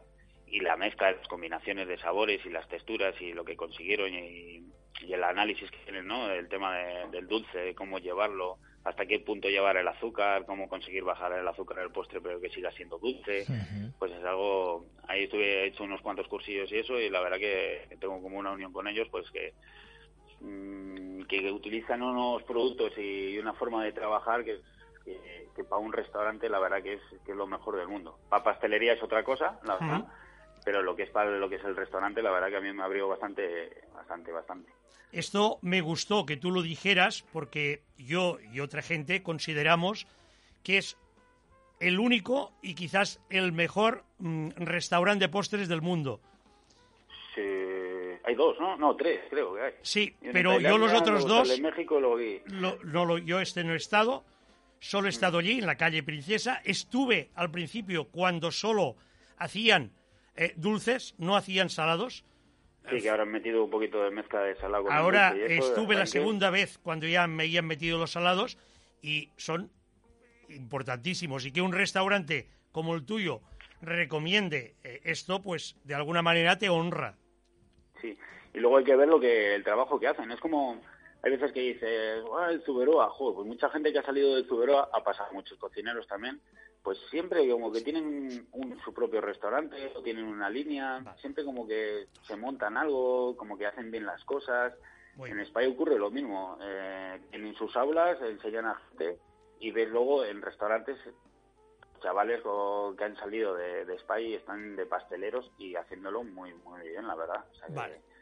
y dices, ese tiene que, ese, tiene Eh, que hacerlo bien. Muy bien. Eduardo, nos queda un minuto y algo escaso. Una recomendación que quisieras hacerle a Sergi, Pi- Sergi Piñol en antena, en este proyecto ambicioso que él ha emprendido. Un consejo. Un consejo. Eh, tómatelo con mucha calma. ¿Vale? Eh, muy bien, muy bien. No hay prisa, no hay prisa para nada. Se lo dices a una persona que va a 200 por hora eh, A la- 500. las, las- las 18 horas del día. Sí, sí. Yo Ahora- pareja que, que por qué voy corriendo por el restaurante y por fuera.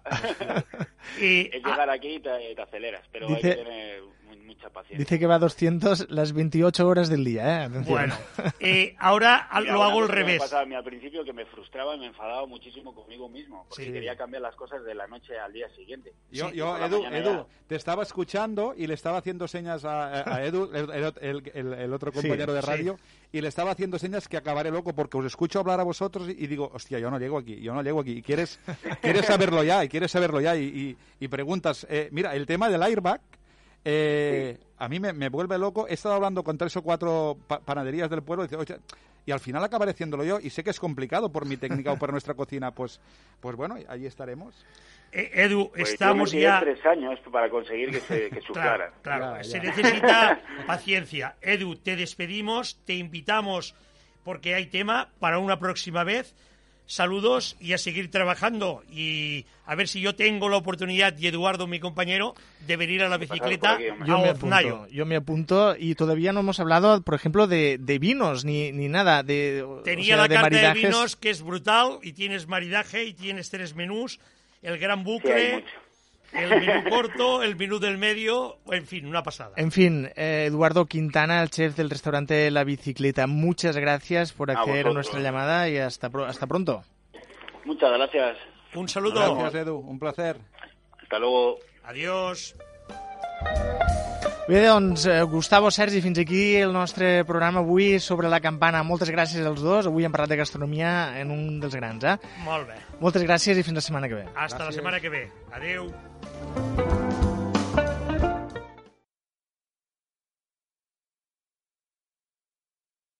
Amplify your career through training and development solutions specifically designed for federal government professionals. From courses to help you attain or retain certification, to individualized coaching services, to programs that hone your leadership skills and business acumen, Management Concepts optimizes your professional development. Online, in person, individually, or groups, it's training that's measurably better.